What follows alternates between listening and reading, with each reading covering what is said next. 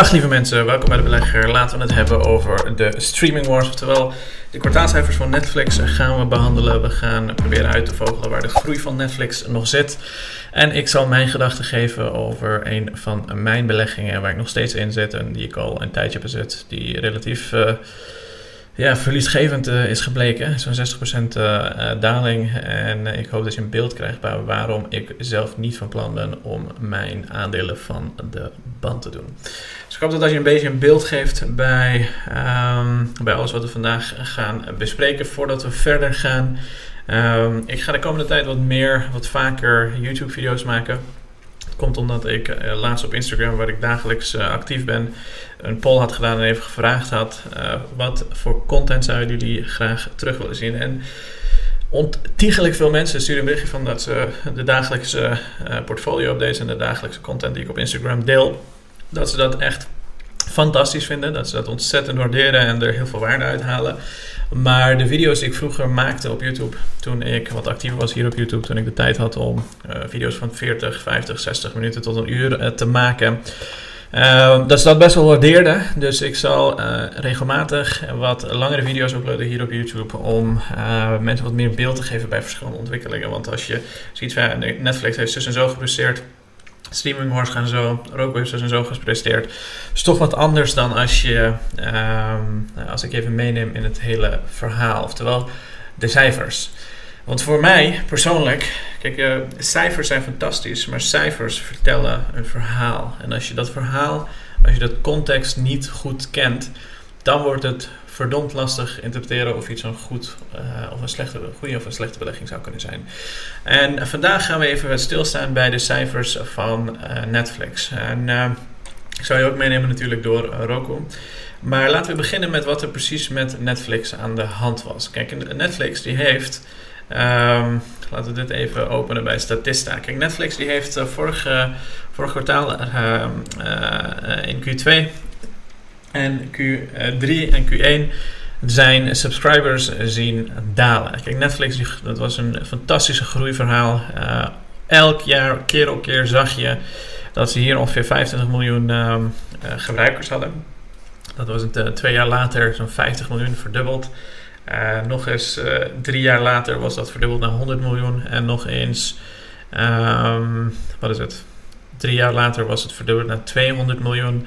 En voor het eerst zagen we dat het aantal uh, subscribers, oftewel het aantal abonnees, niet meer groeide. Voor het eerst ooit in de geschiedenis van Netflix. En dat, dat verandert, die cijfers, die veranderen het verhaal van Netflix. En Netflix heeft naar een aantal zaken moeten kijken. Ze hebben moeten kijken naar hoe ze de uh, mensen die bijvoorbeeld wachtwoorden met elkaar delen. Hè, dus uh, mensen niet uh, jij met je vriendin thuis, maar als, als je een oom of een tante die de, in een andere stad woont, ook nog eens jouw Netflix-account gebruikt, dat willen ze idealiter niet. En daar hebben ze tegen gevochten om dat voor elkaar te krijgen. Uh, daarnaast, wat ze hebben gedaan, is ze hebben een ad-supported model. Want in de streaming wars, je hebt in principe twee keuzes. Hè. Je kan abonneren, zoals op Netflix, of je kan advertenties kijken, zoals op YouTube. Um, en daar, ja, dat, dat is een beetje de twee kanten waarop je kunt gaan als je interessante content zou willen zien. En, Netflix heeft de subscriptions route gekozen. En inmiddels hebben ze ervoor gezorgd dat ze uh, de advertentiemodel ook aanbieden. Dus dat maakt de afzetmarkt van Netflix wat groter. En uh, de CEO die was laatst ook langs geweest bij New York Times uh, event. Maar luister wat hij erover te zeggen had. That I to understand the, the shift. These are a lot of big shifts for you. And what happened? I mean, you weren't doing this because I would argue you wanted to. You were doing this because you felt you had to, because growth had slowed, because the market had said this isn't working the way we thought it was going to work. The valuation was too high. Just bring us inside that. Well, let's see. On the account sharing, um, we kicked off the big effort in 2019. So, you know, we were growing at record levels then. So, um, but we recognized, you know, look, account sharing, um, when you share with your spouse that you live with, it's fine. But when you share, share with your cousin who's across the country, that's a little different. And so there's some nuance there. So, you know, it took us some time to really develop those. And then we've been testing the solutions in Latin America. Um, so that's made great progress. Um, and then on advertising, you know, that was really driven to credit to our CFO, uh, who joined us, who knew a bunch about Hulu and was like, look, this model works. You, we got to pay attention. And, but were you pushing back? Yeah, I was. And then what? I, I, that's what I'm trying to get at. Was there a day where you're like well, driving to work and you're like, you know what? I got to give up the ghost. No, we've got a CFO who's like puppy dog, but like dog with a bone, you know. So he's like easy to spend time with. Um, uh, but boy, you know, if he's got conviction, he does not give up. Um, and so I would say he just got us to really see. The, the big thing that I missed is I was on the Facebook board, so I kind of bought into for a decade uh, to the to the belief that uh, systems with a lot of data were going to be able to do higher um, CPMS, higher effective advertising than anybody else. So Google and Facebook were going to like mop up the world, okay? And then you know, and, and they have a lot in um, non-TV advertising. What I failed to understand is that there's a lot of TV advertising that now couldn't find the viewers because the 18 to 49 segment had moved online. They were not watching linear TV.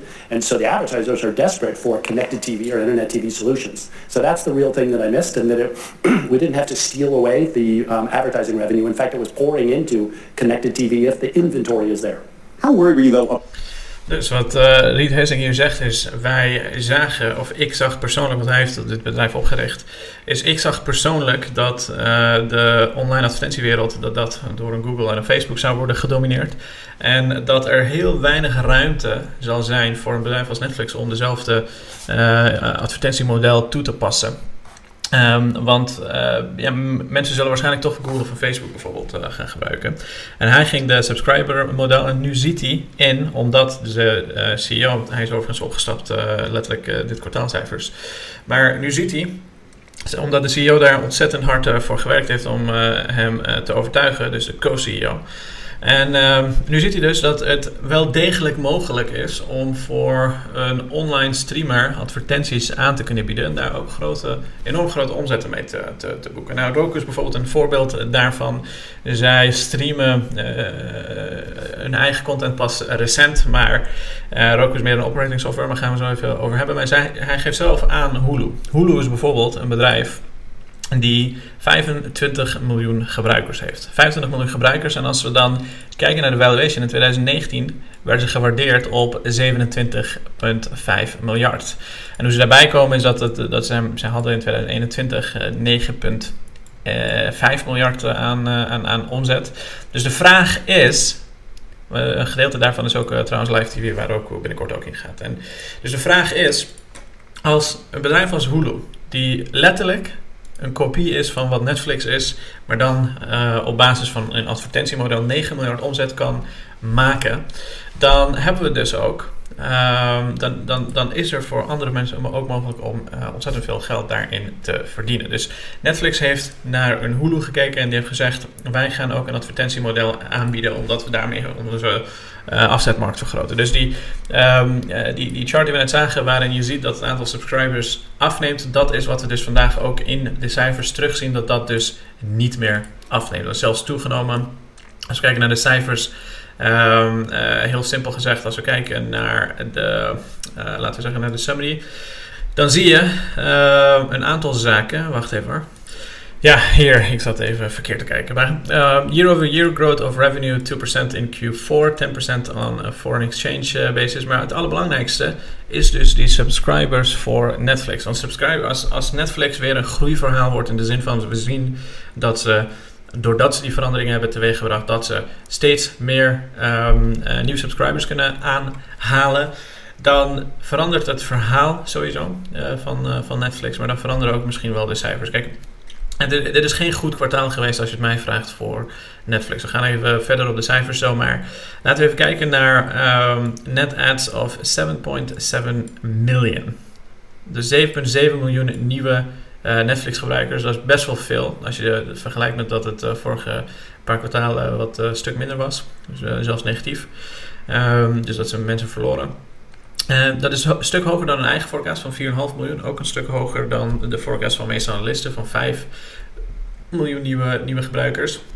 Dus dat is, dat is heel mooi voor Netflix. Want hiermee laten ze zien, we kunnen onze subscriber count nog ontzettend groeien. Door een beetje ons businessmodel aan te passen, door een beetje hier en daar wat dingetjes toe te voegen um, uh, en, en account sharing uh, tegen te gaan enzovoorts enzovoorts, kunnen wij laten zien dat we steeds meer uh, nieuwe gebruikers uh, uh, zullen, zullen, zullen aannemen. En het verhaal wordt dus ook nog eens veranderd in de zin van de nieuwe businessmodel waarbij ze advertenties aan gaan bieden.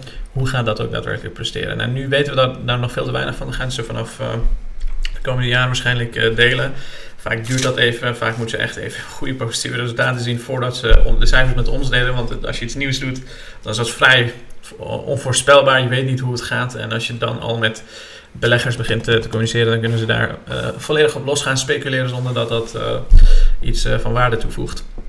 Um, maar overal een goed verhaal van Netflix, laat ik het zo zeggen. Laten we even kijken naar een aantal andere cijfers. Op pagina 8 van hun kwartaalcijfers, pardon, op, op pagina 13 uh, kunnen we zien hoe de omzet het heeft gedaan. Uh, als we kijken naar december 2021, dan was dat 29 miljard. Kijken we naar nu, dan zie je 31,6 miljard, dus 2 miljard toegenomen, de omzet. Dat is niet zo heel veel. Hè, dus dat, is, dat, is niet, dat zijn geen gigantische groeicijfers of iets dergelijks om te zien. En de vraag is dus, kan Netflix ergens groei vandaan halen? Gaan we zo meteen behandelen waar zij zelf dat zien. Als we kijken naar Cost of revenue, 19 miljard. Dat betekent dus 60% van hun, uh, van hun omzet wordt uitgegeven om aan, dat omzet, uh, die omzet te komen. Ehm, dat, is, dat is best, best flink. Dus dat, dat, betekent dus dat ze een bruto marge van ruim, wat is het, zo'n 39, 40% zoiets geks hebben.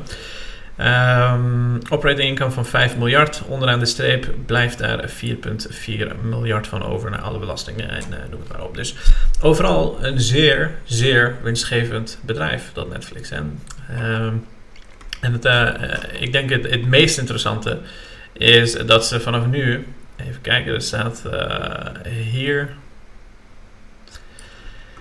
het meest interessante is dat ze zeggen dat vanaf nu net cash generated by operating activities was 0,4 miljard. Dus 400 miljoen in Q4 2022, dus het laatste kwartaal van vorig jaar. En als je dat vergelijkt met vorig jaar, toen was het min 0,4. Dus dat hebben ze goed gemaakt uh, over, de periode van, uh, van een jaar heen.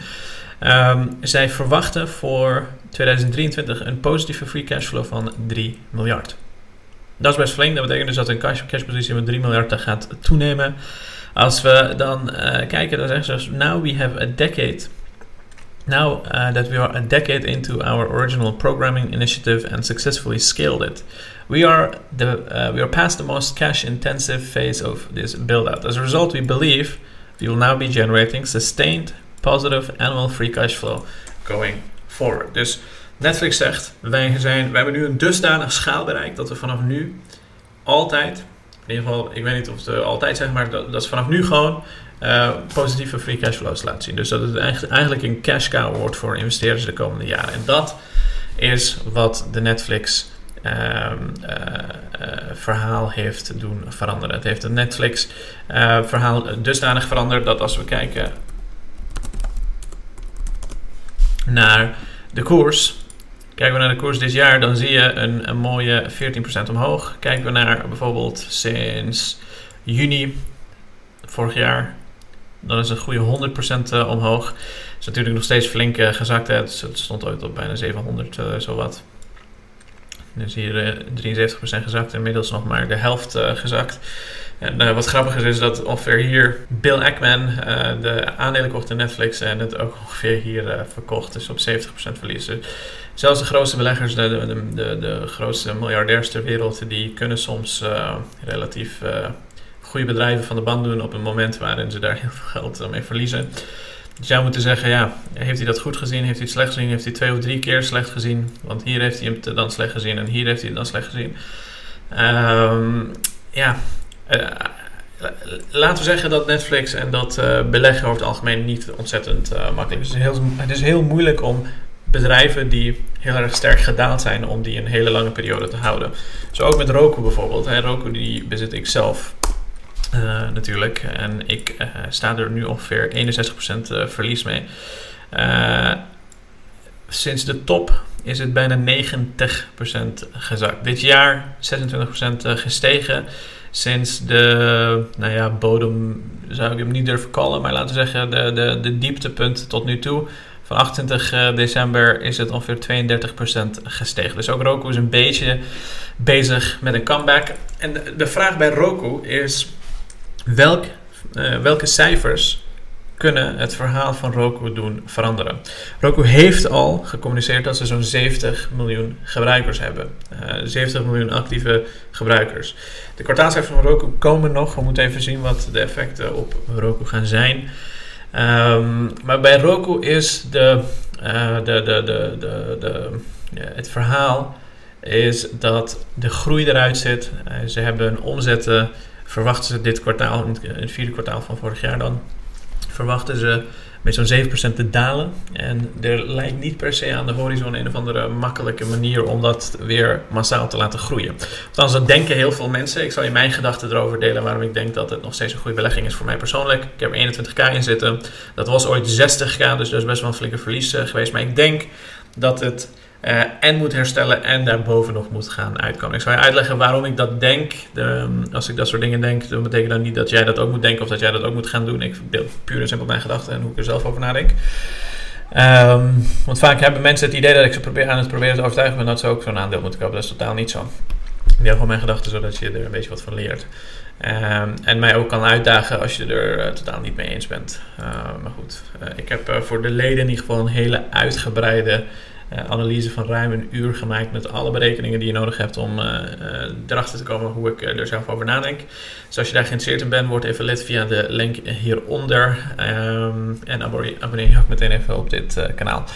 Um, maar goed, Roku. Um, laten we voordat we duiken op waar de groei van Roku moet vandaan komen, wat het verhaal van Roku moet veranderen, laten we eerst even kijken naar wat er precies bij Netflix aan de hand is. Kijk, Netflix die ziet sowieso de normale tv's, YouTube, uh, shortform zoals uh, TikTok en gaming um, de grootste competitors voor hun. Want zij com competen voor oogballen.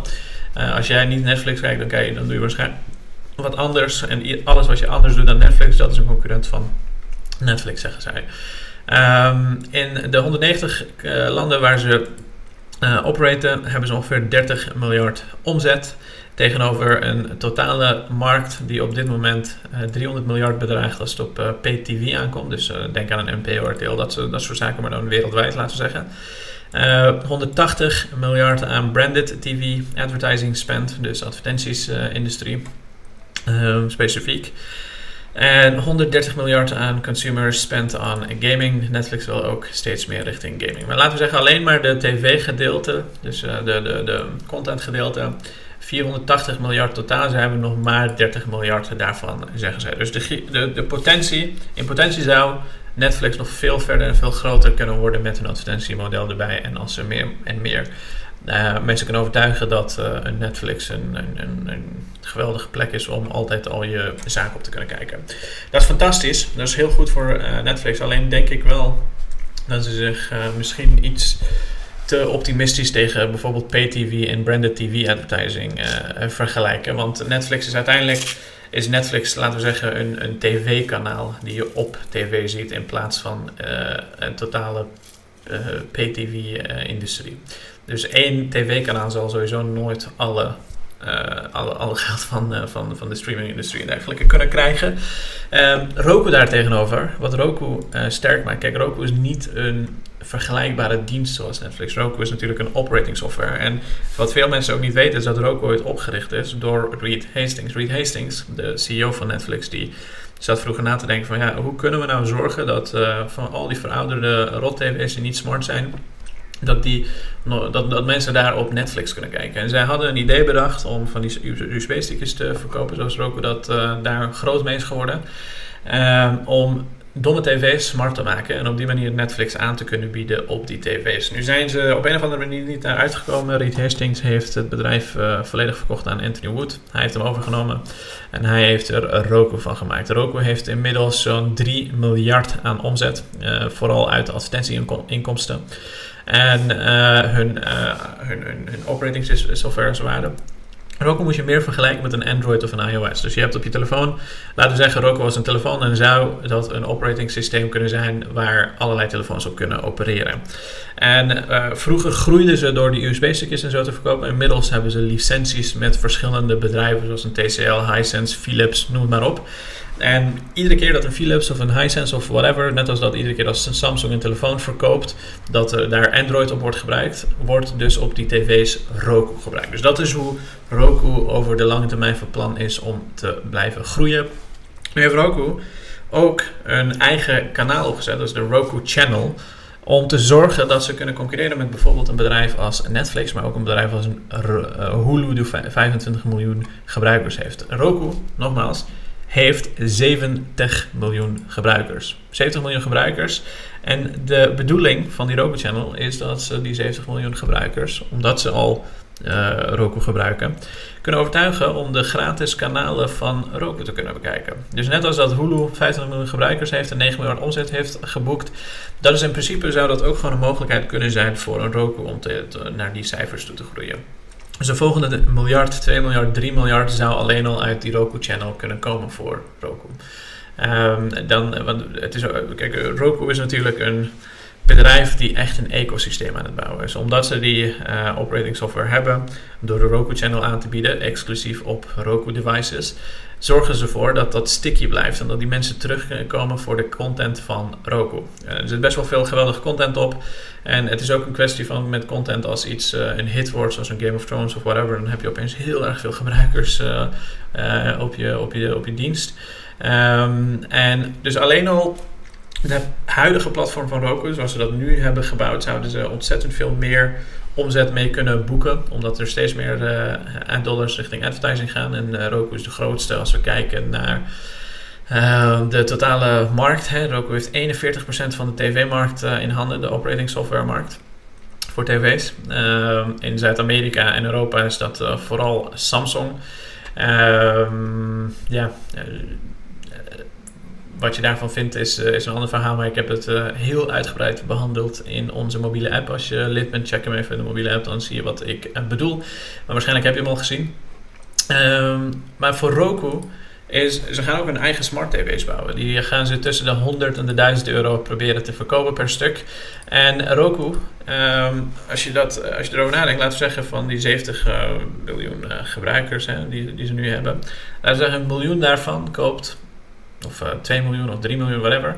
Laten we zeggen, een miljoen daarvan koopt een Roku TV voor 500 uh, eh, per stuk uh, gemiddeld. Een miljoen daarvan, omdat ze in die ecosysteem vastzitten. Dan spreek je al van een omzet van zo'n 500 miljoen. En als je een beetje daarin doorberekent, dan zit er dus ook voor Roku ontzettend veel groeiruimte in, in de komende jaren. En dat betekent, betekent niet dat dat vandaag of morgen zal gaan gebeuren.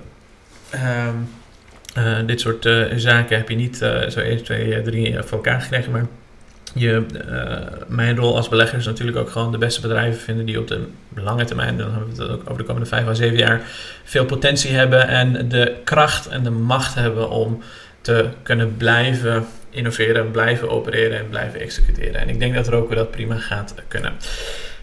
als we kijken naar de cash van Netflix, Netflix had in 2021 8,4 miljard aan cash zitten. Je ziet dat ze dat flink hebben uitgegeven om uh, hun uh, doelen te kunnen blijven um, uh, bewerkstelligen. Ook Roku heeft een redelijke cashpositie. Als we kijken naar de cashpositie van Roku, dan zie je bijna 2 miljard aan cash, die relatief langzaam af, af aan het nemen is. Ongeveer 7% is het in Q3 afgenomen.